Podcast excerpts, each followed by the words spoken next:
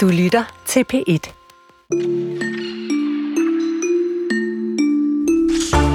Med Axel Sandemoses 90 år gamle roman En flygtning krydser sit spor, der fik vi en ny lov, Janteloven. Loven den har levet et omdiskuteret liv her i Danmark, og måske er det tid til en opdateret udgave. Vi har bedt en række kulturpersoner om at komme med deres bud på en ny jantelov. Og i dag der får vi juraprofessor i Høje Hele, Ditlev Tamsbud. Og så er vi i gang øh, med et helt forrygende filmår. Sidste time, der talte vi om Nicolas Cage i anledning af premierefilmen Dream Scenario. Og i den her time, der har vi fokus på en fransk prisvinder og anmelder darling af en film. Frit fald af Justine Trier. En øh, mystisk, dragende krimi, kærlighedsfilm og samtidig en meget politisk film. Vi ser på den sammen med DR's Karin Mørk. Og netop nu, der ruller en vanvittig, nærmest småskør komposition. En uh, komposition der varer i hundredvis af år. Den går helt utroligt langsomt, skifter sjældent toner, men det sker i dag. Og vi benytter anledningen til at se på, hvornår noget holder op med at være musik og bliver kunst, eller bare underligt. Vi begynder med en lykkelig historie. Det er kulturen, stadig med Chris Pedersen og Jesper Dein. Ja, vi begynder med en lille tur ned ad musiknostalgiens sti. Lykke er at se, hvor godt det går for drengen. Lykke er at ligge lun i dobbeltsengen. Lykke er, at man har fået lov at leve livet. Ah, de var gode. Preben Kås og Jørgen Ry, de vidste godt, hvad lykke var at få lov til at leve livet, mens andre har opfattet den som lidt mere utilregnelig. Lad os tage Daimi for eksempel. Hvorfor er lykken så lunefuld, og hvorfor er glæden så kort? Ak ofte er livet så meningsløst hårdt. Hvorfor og lykke og smil, det er lige præcis vores fokuspunkt de næste minutter. For hvis jeg nu siger smilets by, så ved de fleste godt, at det handler om Aarhus. Så vidt vides blev den betegnelse første gang brugt om Aarhus helt tilbage i 1938 i en kampagne for et lokalt turistbureau. Og så gik det lidt i glemmebogen igen, men i dag der kender vi altså godt det her slogan. Og det er måske mere aktuelt, end Aarhusianerne egentlig selv har vidst, for en ny måling viser, at Aarhus Smilets by godt kunne være helt præcis spot on på det her. I hvert fald så har det britiske institut Quality of Life, ja, det findes i virkeligheden, Quality of Life, har kåret Aarhus som verdens lykkeligste by, intet mindre end det. Og lidt tidligere, der talte vi med lykkeforsker og professor i økonomi ved Aarhus Universitet, Christian Bjørnskov, og han har selv boet i Aarhus i 25 år. Så vi indledte med at spørge ham, hvor lykkelig en by Aarhus rent faktisk er, set med hans øjne mit personlige indtryk er, at det er en meget lykkelig by. Øhm, det er også det, som, som de data og de spørgsmål, vi har, peger på. Det, det er en, en ung, dynamisk øh, og meget, meget tryg by. Hmm.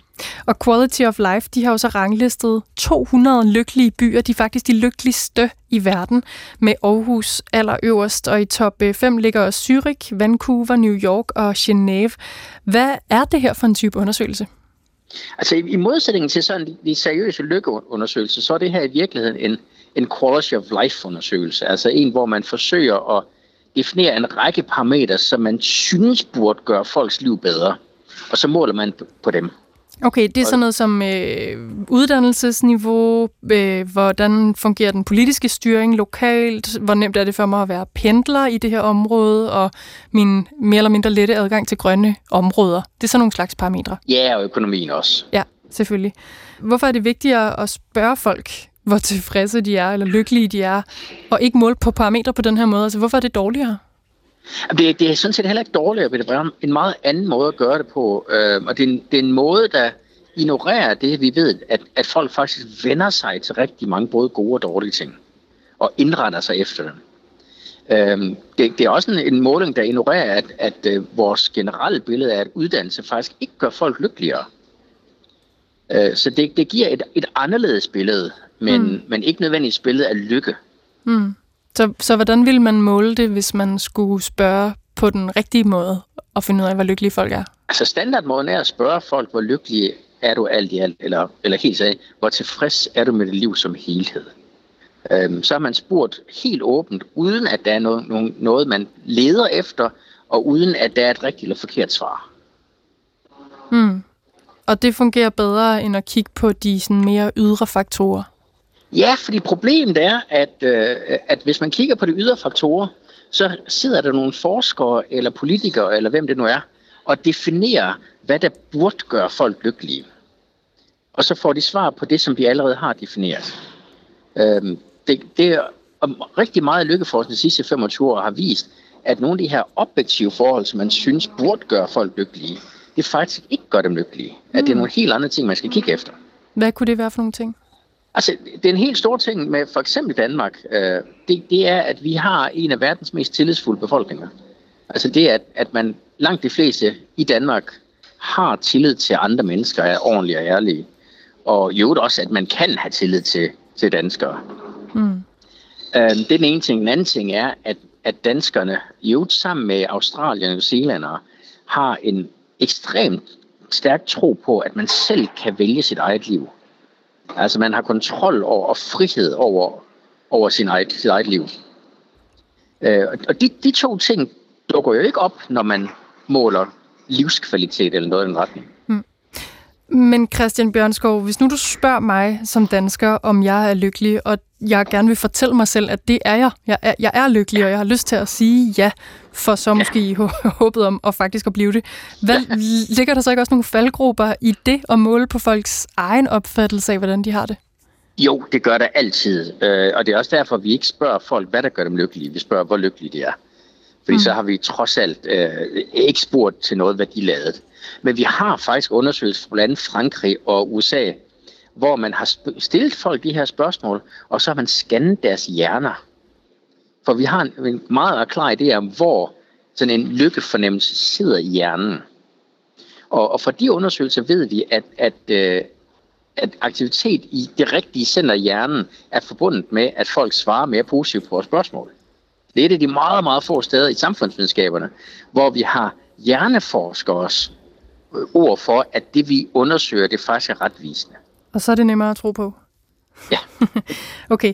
Hvis vi også lige kigger på lande, så er det jo noget, som tit også har øh, sat fokus på Danmark øh, mere ja. globalt. FN-rapporten World Happiness Report har, øh, har i mange år kåret lande på, på sådan et lykkebarometer.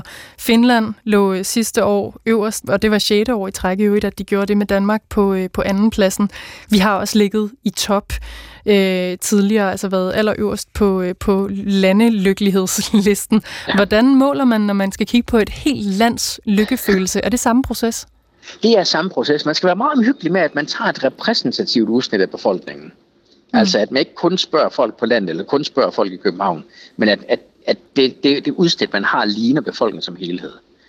Øhm, men når man har gjort det, så, så kan man med relativt stor præcision fange, hvor tilfreds folk er, eller hvor lykkelige folk er i et bestemt land. Og hvis vi, for den sags skyld, hvis vi bruger det, der hedder European Social Survey, så kan vi faktisk komme helt ned på regionsniveau og se, er der forskel internt i landet.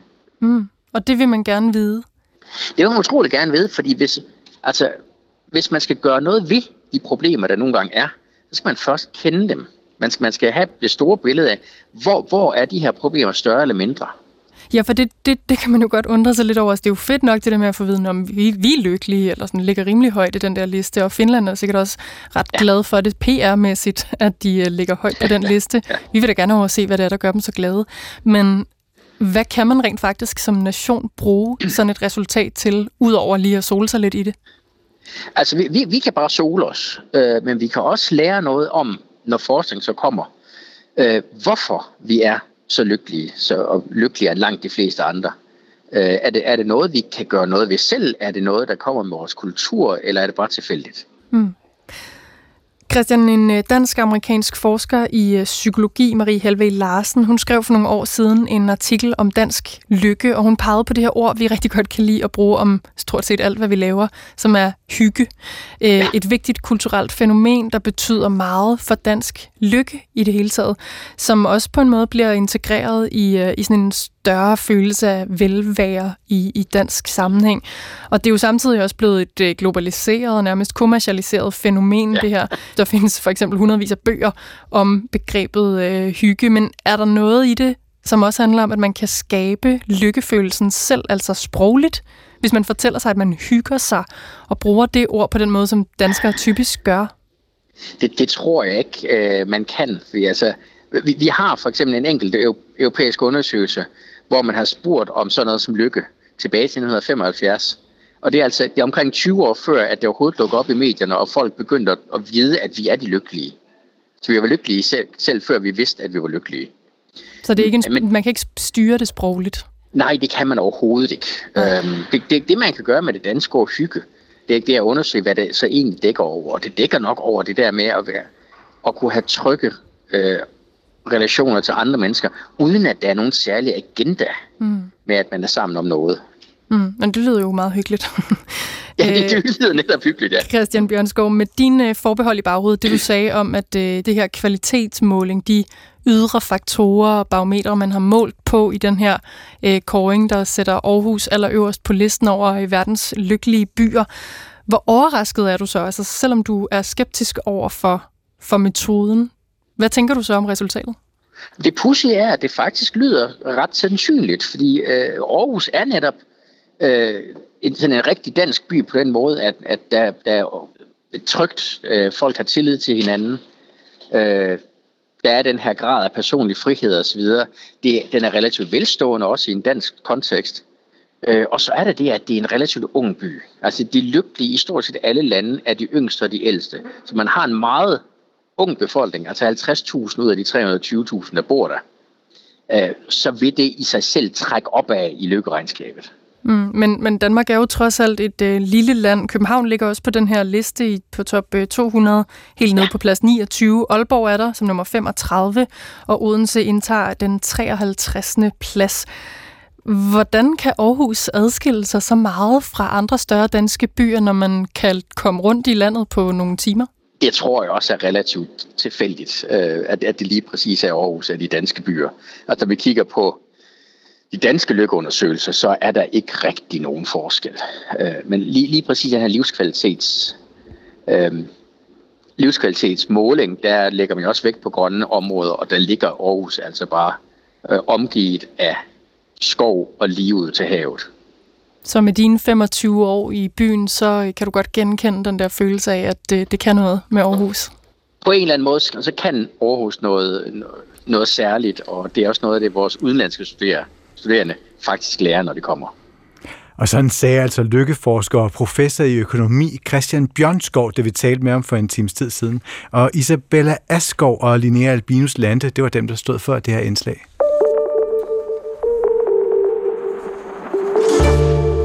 Selvom der er gået 35 år siden de skrev janteloven, mener de så stadig, den er aktuel? Ja, det mener jeg. Jeg har hørt folk her i byen nu sige, at den findes ikke mere, den er sat ud af kraft. Men det er bare fordi, de er samtidig med den. Man ser ikke janteloven, før man får den på afstand. Nej, man ser ikke janteloven, før man får den på afstand. Sådan lød det fra den danske-norske forfatter Axel Sandemose. Det var tilbage der i 1960'erne, manden bag vores allesammens jantelov. Og den fyldte jo så, hvis man kan regne, for nylig 90 år. bogen En flygtning krydser sit spor udkom nemlig i Norge i slutningen af 1933, og i den der formulerede forfatteren Janteloven, altså en lov, som på mange måder har præget vores selvforståelse, ikke bare her i Danmark, men i hele Norden. Lad os lige prøve at høre de 10 bud. Du skal ikke tro, du er noget.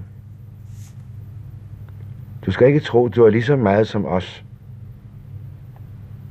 Du skal ikke tro, du er klogere end os. Du skal ikke bilde dig ind, at du er bedre end os.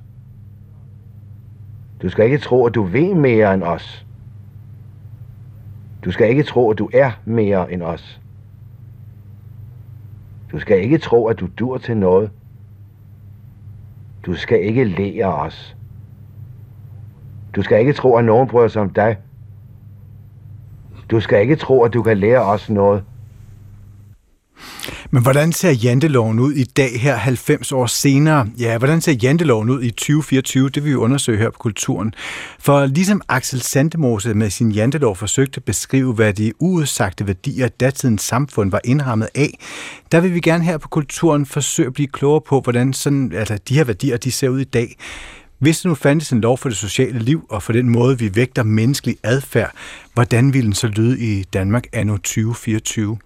Så der har vi bedt en række kulturpersoner om at komme med deres bud på, og de næste par måneder interviewer vi en række forfattere, kunstnere og filosofer om jantelov, for til sidst at formulere en ny jantelov, en janteloven for det 21. århundrede.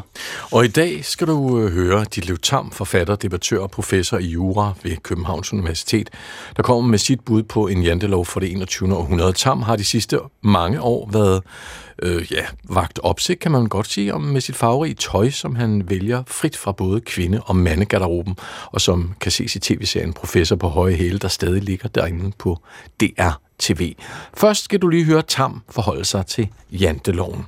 Jamen, jeg mener jo nærmest, at, at janteloven er jo sådan en del af den danske kulturtradition burde næsten beskyttes af UNESCO som World, som World Heritage, fordi ja, den ligger så dybt i os, ja. at der er sådan en jantelov. Og det er jo så noget med ikke at hæve sig over andre, men når man, når man læser den igennem, og ligesom tænker over den, så kan man jo ikke undgå også at, at reflektere over, om den nu også er helt sådan. Altså, den afspejler jo en meget bitter person.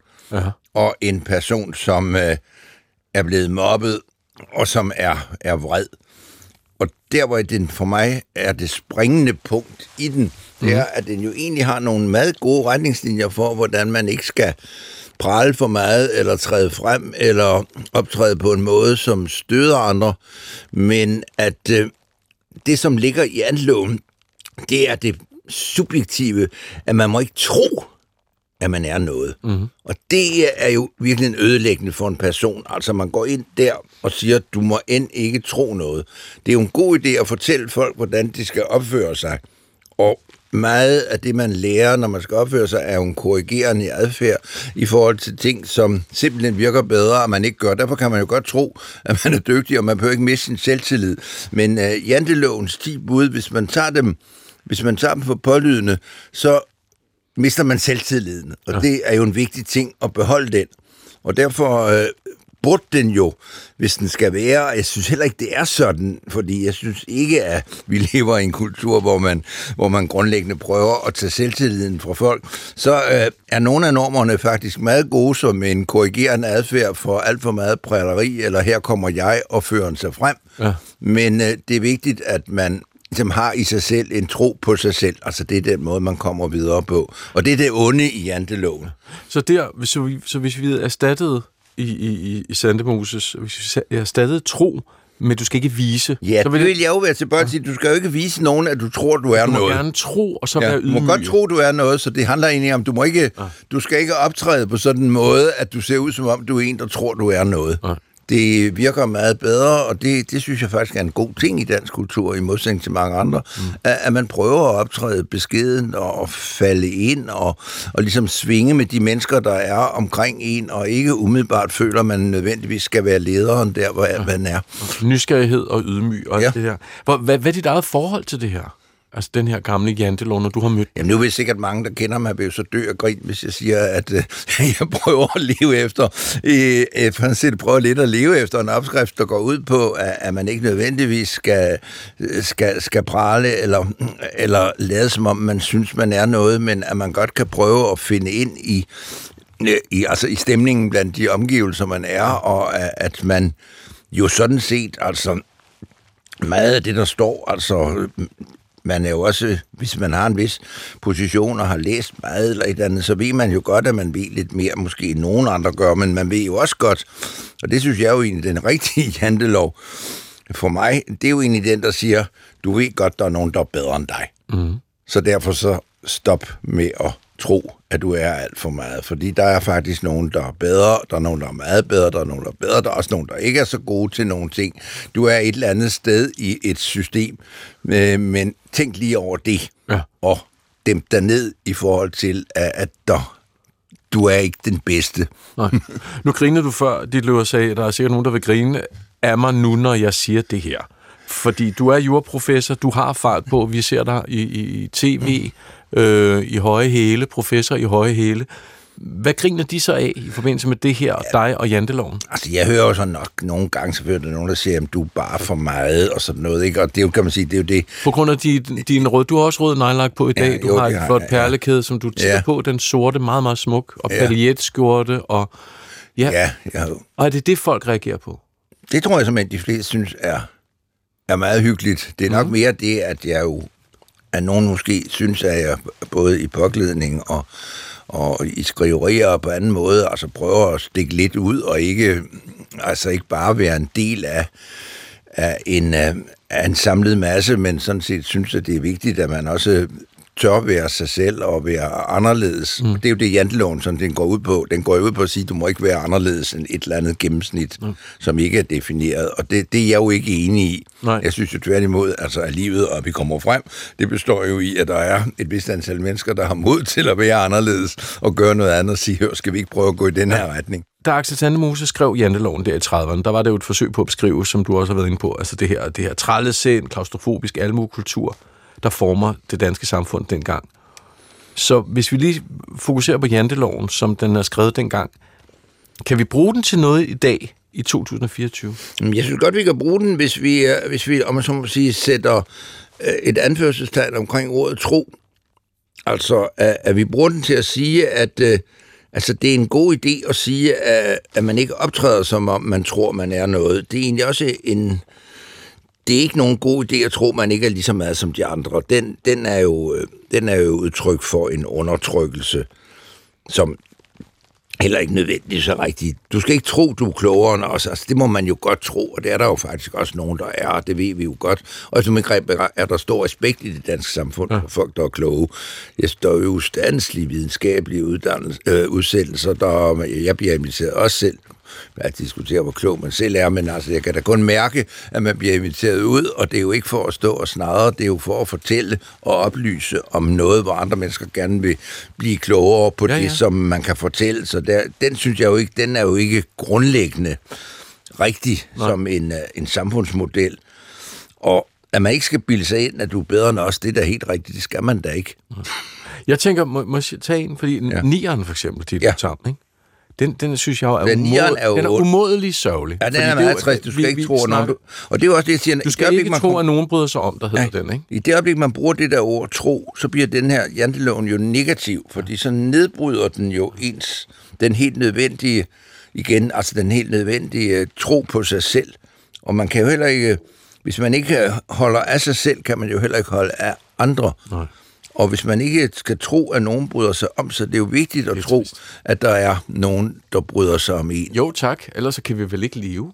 Ellers bliver det svært igen. Ja.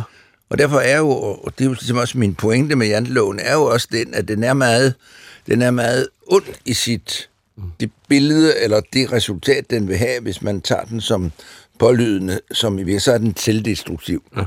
Men sætninger som sådan, uden det ord tro, kan jo godt være Altså, det er jo klogt at, at tænke sig, at man ikke kan komme igennem med hvad som helst. Man skal ikke tro, at der ikke er nogen, der bryder sig om en, men man kan godt lige have den selvkritik, at det kan godt være, at de bryder sig om en. Der er nok også lige en grænse for, hvor, hvor mange veksler jeg kan trække på, og andre synes, at man er rigtig spændende eller cool, eller holder meget af en. Hvis du skulle lave et bud sådan fra hoften her, på en jantelov, hvor du snakker om, at vi skal erstatte ordet tro. Du skal ikke vise, at du er noget, er vi blevet enige om lidt, ikke? I bud nummer et.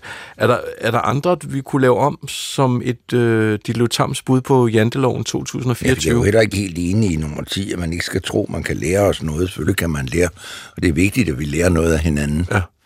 Ja, Tieren siger, at du skal ikke tro, ja. at du kan lære så, os noget. Men det er jo også, man kan sige, det, der er det finurlige ved janteloven, det er jo i virkeligheden, at den definerer jo den, der har lavet loven, mm. og ikke den, som er adressaten. Altså den lille person er jo lovgiver her, mm. som stiller de der regler. Et lille menneske. Ja, ja det er en meget lille person og et meget lille og snævert synet samfund, der stiller, der stiller de bud op. Og det er måske meget godt at gøre sig klart, at sådan er der altså nogen, der kan finde på at tænke, og, og så forholde sig til det. Så på den måde, er, altså det vigtige ved janteloven, det er jo egentlig, at man har den i hovedet og siger, der er nok nogen, der er nogen, der har fundet på det her, og, ja. og, og den er på en måde blevet ganske populær, og mange antager, og dele af den vil man jo kunne møde, når man kommer omkring, så jeg lige forberedt på det. Nu talte vi om det her med, at janteloven gerne skulle sådan inducere noget beskedenhed, noget ydmyghed i os, når vi, når vi vandrer rundt her på jorden. Hvordan bruger du selv det? Det jeg prøver, nu er det igen tilbage til det, hvor jeg, hvor, hvor jeg prøver, når jeg skal prøve at være klogere end andre og fortælle et eller andet, det er jo, at jeg, at jeg gør mig meget umage, synes jeg selv, for at tage bestik af de mennesker og det publikum, jeg taler til. Mm. Altså, jeg har ikke noget behov og prøver ikke at dupere andre med, øh, heller ikke når jeg skriver, med, med fremmede ord eller en jargon eller andet, men øh, det, som i hvert fald er mit ideal, det er jo, at man til enhver tid kan indgå i en dialog med de mennesker, man nu her og nu skal øh, være i dialog med. Det kan nogle gange være nogen, der, der ved besked og er overlegen, og så, så må man jo selv spille overlegen. Andre gange er det, og det er det jo ofte i Danmark, er, er det jo mennesker, der simpelthen bare gerne vil, der gerne vil vide besked og ved noget, men ikke ved det hele, og så skal man jo ikke stå der, som om her kommer jeg og, og belære nogen noget, så skal man jo igen indgå i en dialog og fortælle, hvorfor det er vigtigt, og hvorfor man selv synes, at ting er vigtige. Det er jeg også altid synes, selv som en del af, af det at være lærer på et universitet, at der er en meget vigtig akademisk del, og man skal kunne omgås både øh, egne kolleger og andre på et videnskabeligt niveau. Men man skal også huske på, at, at det er en privilegeret tilværelse, og, og det ikke er alle mennesker, der er på den måde og tænker på den måde, og meget af det, man, man har at komme med, når man har været på en universitet, faktisk er almindeligt interessant, men skal man have andre i tale, så må man gøre det på en måde, som viser, at det er der, man er. Altså, at, at man ikke fremtræder som, som klogere, eller synes, at man er noget, eller synes, at nu skal man komme her og lære nogen noget, men simpelthen ud fra sin egen indre drift fortæller, hvorfor man synes noget er vigtigt, og gerne vil fortælle det. Og det fortalte altså Ditlev Tam i det her vores øh, første afsnit af Janteloven anno 2024. Og Ditlev Tam, han er forfatter, debattør og juraprofessor emeritus, og det var Jesper Dein, der interviewede ham. En ung dreng finder sin far ligge død i en blodpøl foran familiens svejserhytte, og vinduet fra andet sal står åben, og drengens mor og fars kone tilkalder politiet. Det er omgivelserne og ikke mindst præmissen for den franske filminstruktør Justine Triets nyeste film Frit Fald, der efterfølgende tager serien med ind i retssalen, hvor beskyldninger, tvivl og uvidshed fylder rummet. Og Frit Fald-filmen her har allerede vundet to Golden Globes, og øh, ikke mindst også hovedprisen ved Cannes. Men udover at filmen allerede har modtaget priser, og står til at modtage endnu flere, så lykkes den muligvis også med noget helt andet. Den lykkes måske med at give et kritisk indblik i den bevægelse, der foregår i fransk film lige nu, og dermed så står Frit Fald også som et eksempel på, hvordan film kan bruges som platform for politiske budskaber og perspektiver. Velkommen til dig, Karin Mørk, dansk-fransk journalist, dansk-fransk journalist fra DR's udlandsredaktion. Vi satte lige et par ord på den her handling, men hvordan vil du beskrive den her film Frit Fald? Det er en øh, meget anderledes film, altså fordi den er så anderledes fortalt. Og øh, den handler jo om øh, den her kvinde. Nu har I jo spøjtet en lille bitte smule, men ikke ret meget, for man får det jo at vide ret hurtigt. Men øh, det handler jo om, at hun så øh, skal bevise, at hun ikke er skyldig. Der er jo ikke nogen beviser. Øh, og derfor så bliver det faktisk hendes øh, person, hvad skal man sige, hendes seksualitet, hendes moral og så videre, som egentlig kommer under anklage. Og hun er sådan en, en øh, meget kantet person, øh, ikke sådan likable, hun er ikke en, en normal, hvad skal vi sige, sådan som kvindelige hovedpersoner ofte bliver portrætteret. Hun er ikke sådan meget venlig og sød og omsorgsfuld. Altså hun er en skarp, øh, en skarp tante, kan man sige, og øh, og også meget succesfuld forfatter, i modsætning til manden, som mere er sådan en projektmand. Han, han passer hjemmet, og han får aldrig ligesom skrevet den bog, han drømmer om, og og det vil sige, at altså, på den måde er deres forhold jo også ulige, og det får vi så virkelig indblik i, den her, det her dysfunktionelle øh, ægteskab. Mm-hmm. Karin Mørk, vi skal tale meget mere om den her premierefilm. Det er på torsdag, den har premiere i danske biografer. Lad os lige høre et lille klip fra filmen, hvor sønnen kommer hjem fra den der gåtur, jeg lige nævnte om før. Han går med en førerhund, fordi han er halvben, og han finder sin far i blodpølen der foran familiens hus, mens farens musik stadigvæk spiller på anlægget.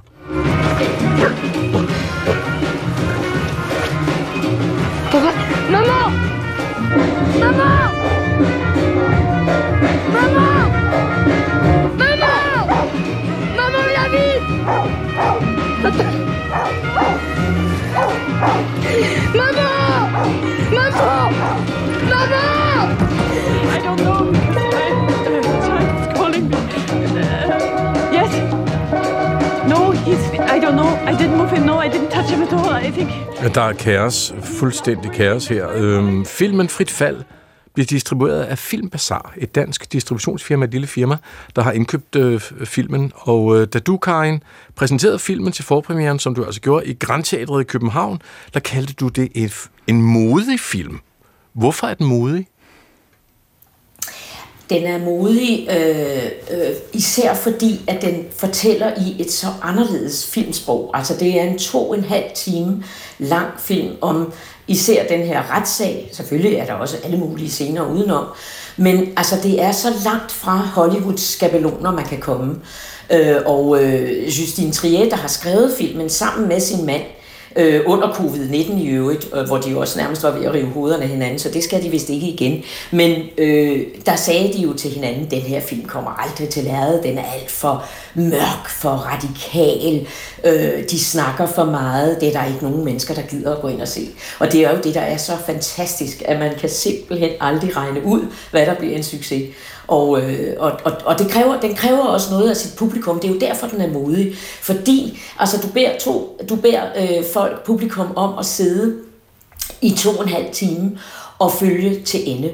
Og der er så mange nuancer med, og den er så anderledes end, end, end som sagt en amerikansk film om et retssagsdrama. De har også øh, rådgivet sig, rådført sig med øh, hvad hedder det, rigtige altså forsvarsadvokater øh, og så videre for at få altså en helt ægte tone i retssagen. Og øh, altså, den er sådan næsten, man føler næsten, at det ligesom er en dokumentar, man sidder og overværer nogle gange, og vi er en del af juryen. Men, og, og mange tror faktisk, at det er en ægte retssag, og det har foregået, og det er det ikke. Men den er altså som sagt øh, meget, øh, altså meget nuanceret og går ind i sproget og ind, ja, en mand, jeg kunne blive ved. Men det er i hvert fald, øh, altså den er modig på grund af sit fortællesprog. Ja. Men Karin, lad os, løfte, lad os løfte os lidt op i, i den store helikopter. Frit fald, hvad fortæller den om, om, om hvad der sker i, i fransk film lige nu?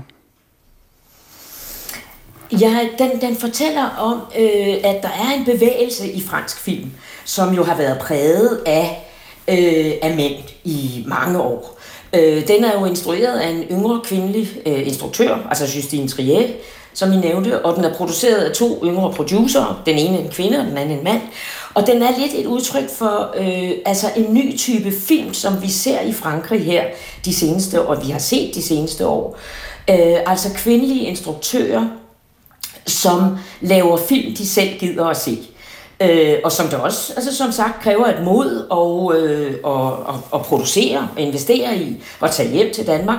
Altså med stærke kvindelige karakterer, som, som jeg nævnte, ikke nødvendigvis er søde og omsorgsfulde kvinder, men også kantede og spidse osv., som Sandra Hyller her, øh, hovedskuespilleren, øh, der spiller Sandra i filmen, øh, og hun er kendt fra min far, Tony Erdmann og Zone of Interest, og dem, som kender to, øh, Sandra Hyller, vil måske også huske, at hun er sådan, øh, en, udover at være kantet, er hun også meget tvetydig. Hun er sådan dobbelt. Man ved aldrig rigtigt, om man skal tro på, hvad hun siger. Så, øh, så det her, det er en film, som fortæller ud fra et moderne kvindeperspektiv, kan man sige. Et liv med, med vin og med utroskab og biseksualitet, alt muligt, som ikke passer ind i, i det stereotype billede af en kvinde og mor, så at sige. Mm. Så det synes jeg er en, øh, altså den er ligesom udtryk for den her bevægelse af yngre kvindelige øh, instruktører og producenter, der er og ved at komme til fadet. Ja, lad os fokusere lidt på Justine Trier. Øhm, den vandt, som jeg sagde i begyndelsen, der øh, priser, den gyldne palme ved Cannes Filmfestival i 23, og øh, da hun modtog prisen, Justine, der brugte hun sin takketale til meget, meget mere end bare at takke filmens forskellige medvirkende. Cette année, le pays a été traversé par une contestation historique, extrêmement puissante, unanime, de la réforme des retraites, Ja, der bliver klappet. Jeg kan jo lige sige, at Justine, Justine Trier øh, stiller sig her kritisk over for både den øh, franske regerings pensionsreform og socialpolitik, øh, men hun påstår faktisk også, at der er et særligt magtmønster i den franske regering, som kommercialiserer kunsten og kulturen. Karin Mørke med os, dansk-fransk journalist på DR's udlandsredaktion. Karin, hvad, hvad er det, hun reagerer på her? Altså, hun bruger øh, scenen i Cannes til virkelig at ødelægge den gode stemning, kan man sige. Det kræver jo sit mod, uanset om man er enig eller uenig med hende. Hun, øh, hun siger øh, det, som mange mente på det tidspunkt, at præsident Macron og hans daværende regering, at de, øh, hun kaldte dem for, altså hun sagde, at de førte neoliberal politik, socialt og kulturelt. Øhm, og det skabte jo en voldsom polemik og utrolig meget kritik af hende. Øh, siden er, har Macron jo skiftet øh, premierminister. Nu er det Gabriel Attal, en ung mini-Macron, som han bliver kaldt. Og øh, han har udnævnt, øh, og det er jo altid præsidenten Macron i virkeligheden, der øh, nikker ja til det. De har, de har i hvert fald udnævnt en kulturminister, som er kommer fra ikke det ekstreme højre, men det er virkelig, virkelig, virkelig højere. Hun var justitsminister øh, under Nicolas, øh, Nicolas Sarkozy's regering, og kommer altså er fra øh, den meget højreorienterede del af, af republikanerne, og har nu skiftet parti til Macrons parti. Men altså hele kultur, altså mange øh, i, af, af de udøvende, øh, dem der udøver kulturen i Frankrig, er meget, meget bekymrede for, om øh, nu kulturen skal kommercialiseres på en eller anden måde. Fordi kultur i Frankrig har jo altid været sådan, at vi skal kunne få billige bøger, vi øh, kan gå i biografen øh, med rabatter, og hvis man er studerende osv. Og, øh, og nu frygter man altså, at, øh, at hvad skal vi sige, at kulturen skal kommercialiseres. Sproget, det fylder også meget i den her film. Familien, det bor i Frankrig, hovedpersonen, den er tysk, og familien taler oftest engelsk sammen. Hvad for en rolle spiller sproget i frit fald? Ja, det er faktisk meget, øh, meget spændende, fordi der er meget af filmen foregår på engelsk, fordi at hovedpersonen er tysk, som du siger, og hendes mand er fransk, og de taler øh, engelsk sammen. Øh, og så, øh, så er, skal hun jo forsøge at hvad skal man sige, bevise sin uskyld. Øh, og det kan være svært, når man ikke øh, kan tale på sit modersmål. Så hun må bede om at tale på engelsk. Og det bliver altså udnyttet af, af den her meget øh, misogyne, øh, altså kvindehadende anklager, som er utrolig aggressiv. Og han, han bruger meget det sproglige til at ligesom... Øh, hvad skal vi sige, så tvivl om, øh, hvad, hvad, hun egentlig, hvad hun egentlig er for en kvinde.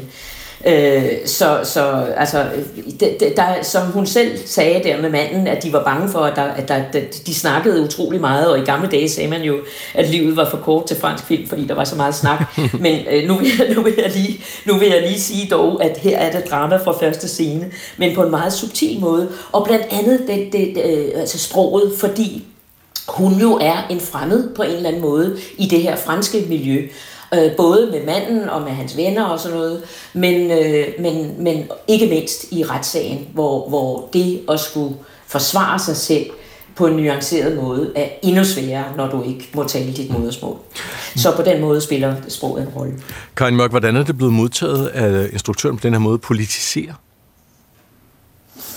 Altså, altså hendes aktivistiske øh, og konkrete måde der fra øh, scenen øh, i Cannes, den, der har hun jo fået virkelig meget skæld ud. Men hun, hun står op for det og siger, ja, men hun fortryder ikke, at hun ødelagde den gode stemning. Det var nødvendigt, og øh, man kan sige, at filmen er jo, har der jo været halvanden million øh, franskmænd ind og se, og vi ved, jeg ved godt, der er 60 millioner, men det er utrolig, øh, en utrolig rekord for en film øh, og så lang en snakkefilm, at, øh, at, at, at halvanden million øh, øh, franskmænd går ind og, og ser den. Og så det med, at jo, man kan sige... Øh, hendes, øh, hendes øh, hvad hedder det, øh, øh tale mod Macron fra scenen, det gjorde nok, det mener kritik, altså det mener, det er der mange, der mener, at så ville øh, Frankrig ikke indstille øh, frit fald til som deres Oscar, et bud på en Oscar. De tog den mere traditionelle på Dauphin, øh, som også bliver spillet for tiden.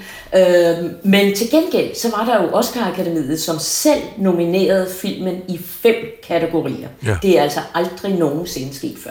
Ja. Blandt andet for bedste film, bedste instruktør og bedste skuespiller. Nu må vi se, hvordan det går, men øh, det, det, det tog hun jo som en... Det var hun glad for, kan man sige, at, øh, at regeringen og Frankrig ligesom fik lidt af en finger. Det kan man vist roligt sige. Karin Mørk, jeg kan ja. forstå på dig også, du er også meget begejstret. Det er også uh, dine filmjournalistkolleger virkelig også begejstrede. Jeg tror, vi er oppe i nærmest topkarakter over hele, det meste af hele linjen. Okay, ja. Så Karin Mørk, tak fordi du var med. Det er også for fuldt fortjent. Jamen ja, det er godt, vi glæder os til at se filmen. Ja. Du har jo set den heldige Asen. Dansk-fransk journalist på DR's udlandsredaktion var det her. I Tyskland er der et år, der skifter tone i dag. Det kan lyde småt, fordi øh, tænk hvor mange instrumenter, der skifter tone sådan hele tiden. Men sidste gang det skiftede tone, det var for præcis to år siden. Og værket, vi skal tale om nu, det slutter først i år 2640. Det siges at være verdenshistoriens langsomste og længstvarende musikstykke, og det hedder As Slow As Possible, og det er komponeret af John Cage. Værket det begyndte i 2001. Og hvis det havde været en tv-serie, så havde vi altså været op på et par sæsoner efterhånden. Og til at fortælle os om det her værk og om dagens akkordskifte, der har vi besøg af Jonas Olesen, Aarhus-udforskende elektronisk musiker og Cage Nørd. Velkommen. Tak skal du have. Allerførst, det kan jo lyde sådan provokerende som nyhed, at et Aarhus har skiftet akkord. Og alligevel så er det altså noget, som folk stemmer til den tyske by Halberstadt for at opvære, overvære. En ny tone er kommet til den akkord, de sidste to år har spillet. Hvad går det her ud på, Jonas?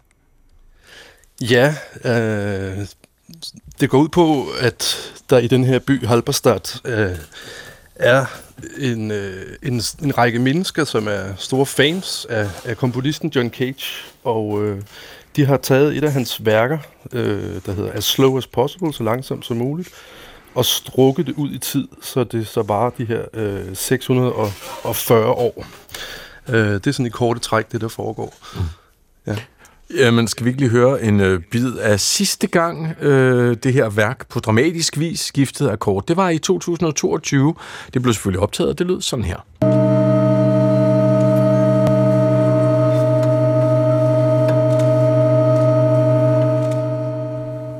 Jeg synes, wow. jeg er meget dygtig til at høre musik. Jeg havde været svært ved at høre det.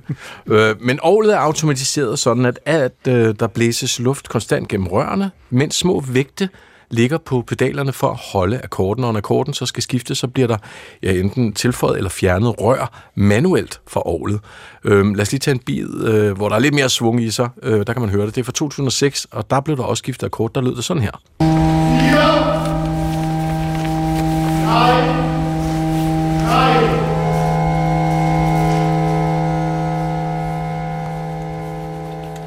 Der blev talt ned, det kunne man høre, tysk nedtælling, det var ikke året, der stod, og det knitrede.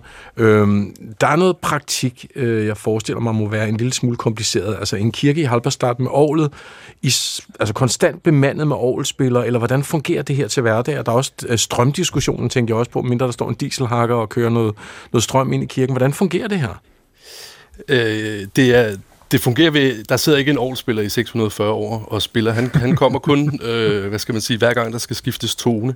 Og øh, det er jo faktisk et, et, sådan mellem, et, et ret konventionelt stykke musik. Det blev skrevet af Cage i, i uh, midten af 80'erne for oprindeligt for klaver, og der foreligger et normalt partitur med noder, og det kan man spille. Og hans idé var, at øh, man, kunne, man skulle bare spille, altså værkets idé er, at man spiller så langsomt, som man kan. Så der er ikke nogen, han havde ikke sådan en tid, øh, tidslighed øh, på det, det kunne bare et par minutter. Øh, og det har de så taget til ekstremerne, øh, de her mennesker i, øh, i, i øh, Halberstadt, og, øh, og, og strukket det ud på den her måde. Så øh, menneskerne, eller publikum stemmer ligesom sammen, øh, eller der er jo sådan set offentlig adgang, man kan komme på, til et hvert, på et hvert tidspunkt og, og lytte til kompositionen her. Mm. Øh, men så er der de her særlige events, som der er i dag, hvor at, øh, der er en tone, der skifter. Mm. Øh, og så bliver der sat nogle små sandsække, tror jeg, der er ned på tangenterne, så står de der i et par år, indtil næste gang. Ja, Jonas, altså det, det larmer jo nærmest i den her sådan langsomlighed. Øh, skriger på en analyse. Hvad er budskabet med det her værk?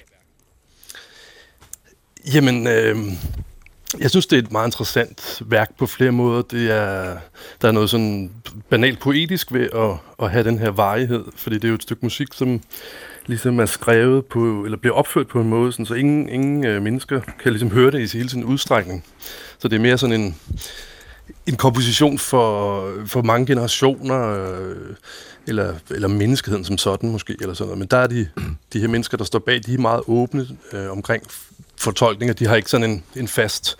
Øh, et fast budskab med det, kan man sige. Nej. Og det er vel også, i virkeligheden, nu snakker vi om John Milton Cage, der var den her øh, eksperimenterende kompositions, øh, amerikanske musikteoretiker, og øh, har lavet kompositioner. Jeg kan da huske øh, på, på skolen, at vi havde, han har lavet et nummer, der hedder Silence, der er 4 minutter og 33 sekunder, hvor der ikke er noget som helst. Det er jeg meget glad for. Ja, det er det. Øh, og nu kommer han så her med As Slow As Possible. Øh, 639 år, siger han. Er det et tal, han bare lige sådan har hævet ud af røven, eller er der en mening med præcis 639 år? Det er sådan lidt øh, intellektualiseret måde, de er kommet frem til det num- øh, tal på, fordi oprindeligt var tanken, at øh, det skulle være 1000 år. Det lyder også federe jo. Ja, det gør det, men så, hvis man så tænker sig om, hvilket de gjorde, så har det her 1000 år, det har sådan lidt uheldig klang i Tyskland. Åh. Øh, på grund af 1000 års riget. Ja, ja. Øh, Det så derfor fandt man frem til, at øh, der er blevet bygget i 1300-tallet et specielt orgel i den her by. Og øh, når man så trækker det årstal fra 1361 fra år 2000 og nej, år 2000, hvor det begyndte projektet, så får man det her 640 år. Så det er sådan lidt... Øh, ja. Nu sagde du også selv, at nede i Halberstadt, der står der en masse John Cage-fans, øh, både af Silence, øh, eller As Slow As Possible, og nogle af de andre værker, han har lavet.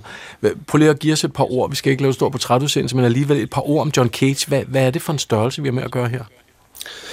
Jamen altså, John Cage er nok en af de 20. århundredes mest kendte øh, avantgarde-komponister og teoretikere. Øh, han er fra USA, og han er, er nok mest kendt for det værk, du nævnte før, som er, øh, hedder 433, som består af 4 minutter og 33 sekunders Stilhed. Øh, stilhed. Eller det vil sige, det Der er... knitren, jo. Ja, det består sådan set ikke af stillhed. Det består i, bare i, at der ikke er nogen musikere, der spiller noget. Det er rigtigt. Øh, og der kan man sige, så flytter han ligesom publikums opmærksomhed over på de lyde, der måske er i koncertsalen i stedet for. Mhm. Og lidt det samme foregår her, fordi øh, normalt, når man hører musik, så lytter man jo efter ændringer, eller øh, indhold, eller noget, der er spændende, eller nogen, der er dygtige til at spille. Her, der øh, kan man sige, at i en vis forstand, så bliver værket mere til lyd, en lydoplevelse, end det Mhm. gør til et, øh, et mu- musikalsk værk. Sådan kan man vælge at betragte det. Jamen klart. Hvis vi så kigger på den her, altså en tone i akkorden, det udskiftes hver andet år. Øh, det står i rygende kontrast til alle de toner, der flyver mellem os hele tiden. Hvad vil du sige, det her værk siger altså om vores samfund, den her sådan langsomlighed? Ja, så det står jo i en helt banal kontrast, kan man sige, til jo hurtigere øh, samfundsudviklingen ligesom accelererer, så, så står det her værk ligesom, øh, hvis det lykkes dem at holde det, holde det kørende, kan man sige, så, så står det jo som sådan en anti, antitese til, til det her, som sådan meditativ værk, øh, som, ja, jeg, jeg, altså nu, nu, jeg håber, de kan holde det kørende. Man kan på deres hjemmeside, der kan man bestille billetter til, øh, til den sidste tone, når, den sidste, når værket er slut. Så det kan jeg anbefale, man gør. Mhm. Og det er ikke personlige billetter, for det er jo så i år 2640. Ja, det må, må man sige. Har vi andre eksempler i, i øh, kassen på langsomhedskunstnere? Øh, fordi jeg så godt sige, at den her slags musik er langt fra de kunstnere, der lige har reddet Grammys hjem. Øh, eksisterer der sådan en, en generel langsomhedsstrømning? Det, det tror jeg ikke, man kan sige. Der findes jo også meget musik, man kan i en vis forstand sige uh, for, til evig tid. Altså hvis man, gen, hvis man sætter en CD-afspiller på repeat, så vil den jo, så længe der er strøm, øh, vil den jo, øh, kan man sige, spille det samme og det samme igen. Øh, men altså, når man så lytter til det her, så er det jo nogle... Når man kommer ind og lytter til musikken, så hører man jo ikke den overordnede struktur, så hører man jo bare det, som er, er nedholdte toner, og det er sådan øh, i, i, i familie med det, man kalder dronemusik. Det er også en ting, der udsprang af 60'erne, altså sådan ekstremt lange, meditative klangflader, kan man sige, eller nedholdte toner, hvor, hvor man kan sige, så bliver lyt, den, altså lytteoplevelsen bliver noget andet, end man lytter ikke efter ændringer, man lytter måske efter små nuancer i lyden, eller hvordan lyden spiller sammen med det rum, den bliver spillet i, og sådan nogle ting. Men Jonas, altså, der skiftede tone på lidt her i, i, i senest i 2022. Kan man overhovedet kalde det musik, hvis det bare er nuancer i en toneart, man sidder og lytter efter? Det kan man da. Øh, efter, det kan man debattere, men øh, ifølge sådan en moderne definition på musik, så, så vil jeg da sige, at man kan. Fordi John Cage øh, overtog, kan man sige, sådan en øh, definition på musik, som en anden komponist tidligere havde haft, øh, der hedder Edgar Barres.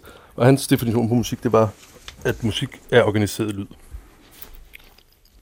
Og Jonas, hvis vi så skal tage en temperatur på orglets status her i dag, hvordan går det for orglet som instrument? det går øh, stødt fremad, vil jeg sige. I, øh, jeg kan særligt anbefale i København afholdes der hvert år noget, der hedder Organ Sound Art Festival.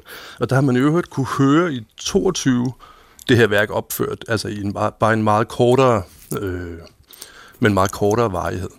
Og det er hvert år i december, og der, det er en festival, der fokuserer på, hvad skal man sige, eksperimenterende, nyskabende musik på alle mulige måder, hvor man spiller på, øh, eller hvor øh, komponister laver årværker, der, øh, der, der, slet, der ligesom slet ikke øh, forholder sig til året som det her kirkelige instrument, men mere som sådan eksperimenterende øh, fænomen. Men nu er det altså så 600 år til, at, øh, ja, at sidste tone bliver spillet på det her. Overvejer du at købe billetter, og så måske bare lade dem gå i af til dine børnebørn? Det overvejer jeg kraftigt. Tror du, de kommer til at stige værdi i løbet af de 600 år? Ja, det kan være, at Elon Musk han køber dem alle sammen, eller jeg ved, jeg ved det, det vil det da gøre. Det vil det, selvfølgelig vil det gøre det.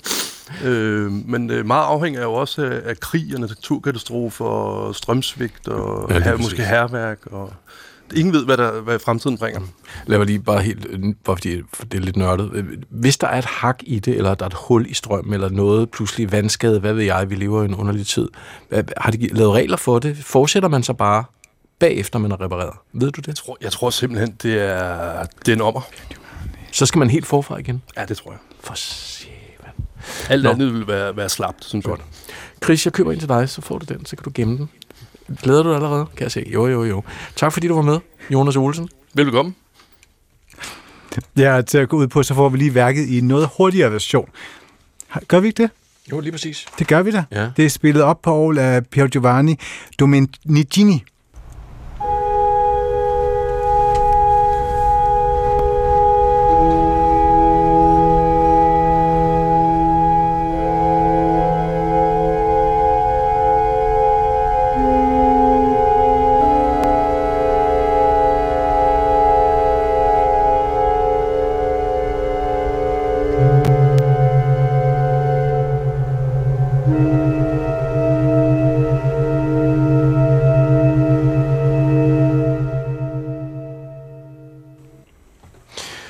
Nu skal vi til tv, til HBO, fordi øh, kan man være fan af Putin og så med i en stor international blockbuster tv-serie? Nej, det kan man ikke. HBO-serien The White Lotus er i gang med at pynser på tredje sæson. Øh, det kunne have været den sæson, hvor den serbiske skuespiller Milos Bikovic fik sit internationale gennembrud, men sådan bliver det ikke. HBO-successerien den optages netop nu i Thailand på et stort resort, og dengang der er vi på Koh Samui i Phuket og Bangkok. Det ukrainske nyhedsbureau øh, United 24 Media og det øh, ukrainske udenrigsministerium, de har flere gange påpeget, at netop Milos måske ikke var så god at have i stald, når man var HBO. Bikovic har nemlig, selvom han er serber, fået russisk statsborgerskab og en medalje af Putin tilbage i 2018. Og ukrainerne de har lavet den her kampagnevideo for at udstille Minus. A genocide supporter has joined the cast of the HBO dark comedy, The White Lotus. Jesus H. Christ. Meet Milos Bikovic, a Serbian actor and the Kremlin's foreign mouthpiece. Dear Vladimir Putin, Your Holiness. Giant load of crap on a stick. He gets Russian prizes for humble service to Russia's art and culture. Wow. Participates in filming TV shows in occupied Crimea and justifies its hostile Russian seizure. The people of Crimea joined Russia themselves through a referendum. Oh my god. He stars in films directed by infamous propagandists like Nikita Mikhalkov and was even granted a Russian passport. Russia has accepted me since my first time here. I feel home ja, alt sammen lavet meget professionelt. De serverer flere eksempler på Milos Ruslands venlighed, og så slutter de af med at spørge sådan her iskoldt. So what's wrong with you, Milos? If this is the dark side of the comedy, then HBO just did it really well. Her fik vi også lige HBO kendingsmelodien, og det kunne HBO selvfølgelig ikke leve med det her, og har nu fyret Milos fra holdet.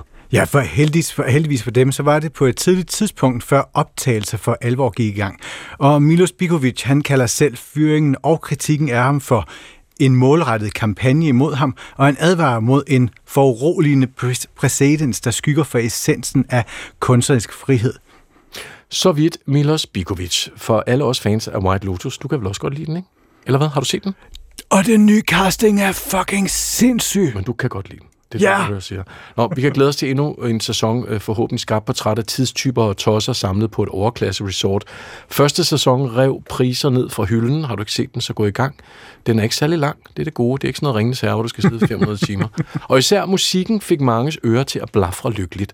Den var kreeret af chilensk-kanadiske Cristobal Tapia Daver, der vandt hele tre Emmys fra musikken.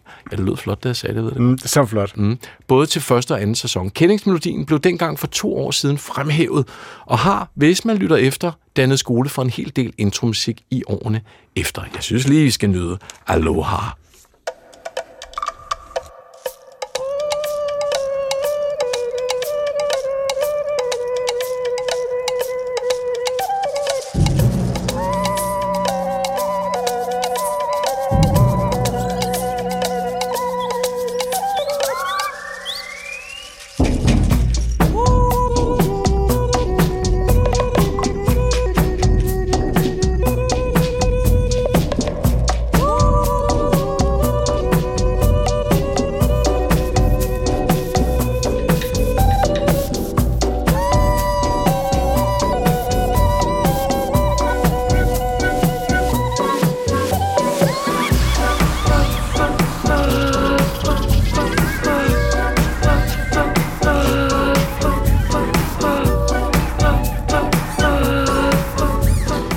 Sæson 3 af uh, The White Lotus regner man med for premiere en gang i 25. Og har du egentlig hørt, at der er kommet et nyt program på P1? Jo, jo. Når jeg hører ordet selvoptimering, så synes jeg også, at jeg hører noget, der lyder som guld og grønne skove, men måske i virkeligheden er en korsetlejr. Mit navn er Anne-Sophia Hermansen, og med mig her i studiet er to af de klogeste kvinder, jeg kender. Udlandsredaktør Anna Libak og præst Sørine Godfredsen. Tak. Vi er venner, og fremover så vil vi tage et kritisk og nysgerrigt blik på tendenser i vores samtid. Det hører man jo om mange ægteskaber, hvor manden pludselig træner op til en Ironman, ikke? og så ser man ikke mere til ham. Damerne først. Måske keder han sig i ægteskabet. Ja, og så kunne han jo selv gøre noget for, at det ikke var sådan. Lørdag kl. 13 på P1 i DR Lyd. Og det var altså ja, afslutningen på dagens udgave af Kulturen. I studiet var Jesper Dein og mig, Chris Pedersen, og dagens producer, det var Natasha Jarsi Kleinsmith. Og nu er der Radioavisen. Ha' en god aften. Gå på opdagelse i alle DR's podcast og radioprogrammer. I appen DR Lyd.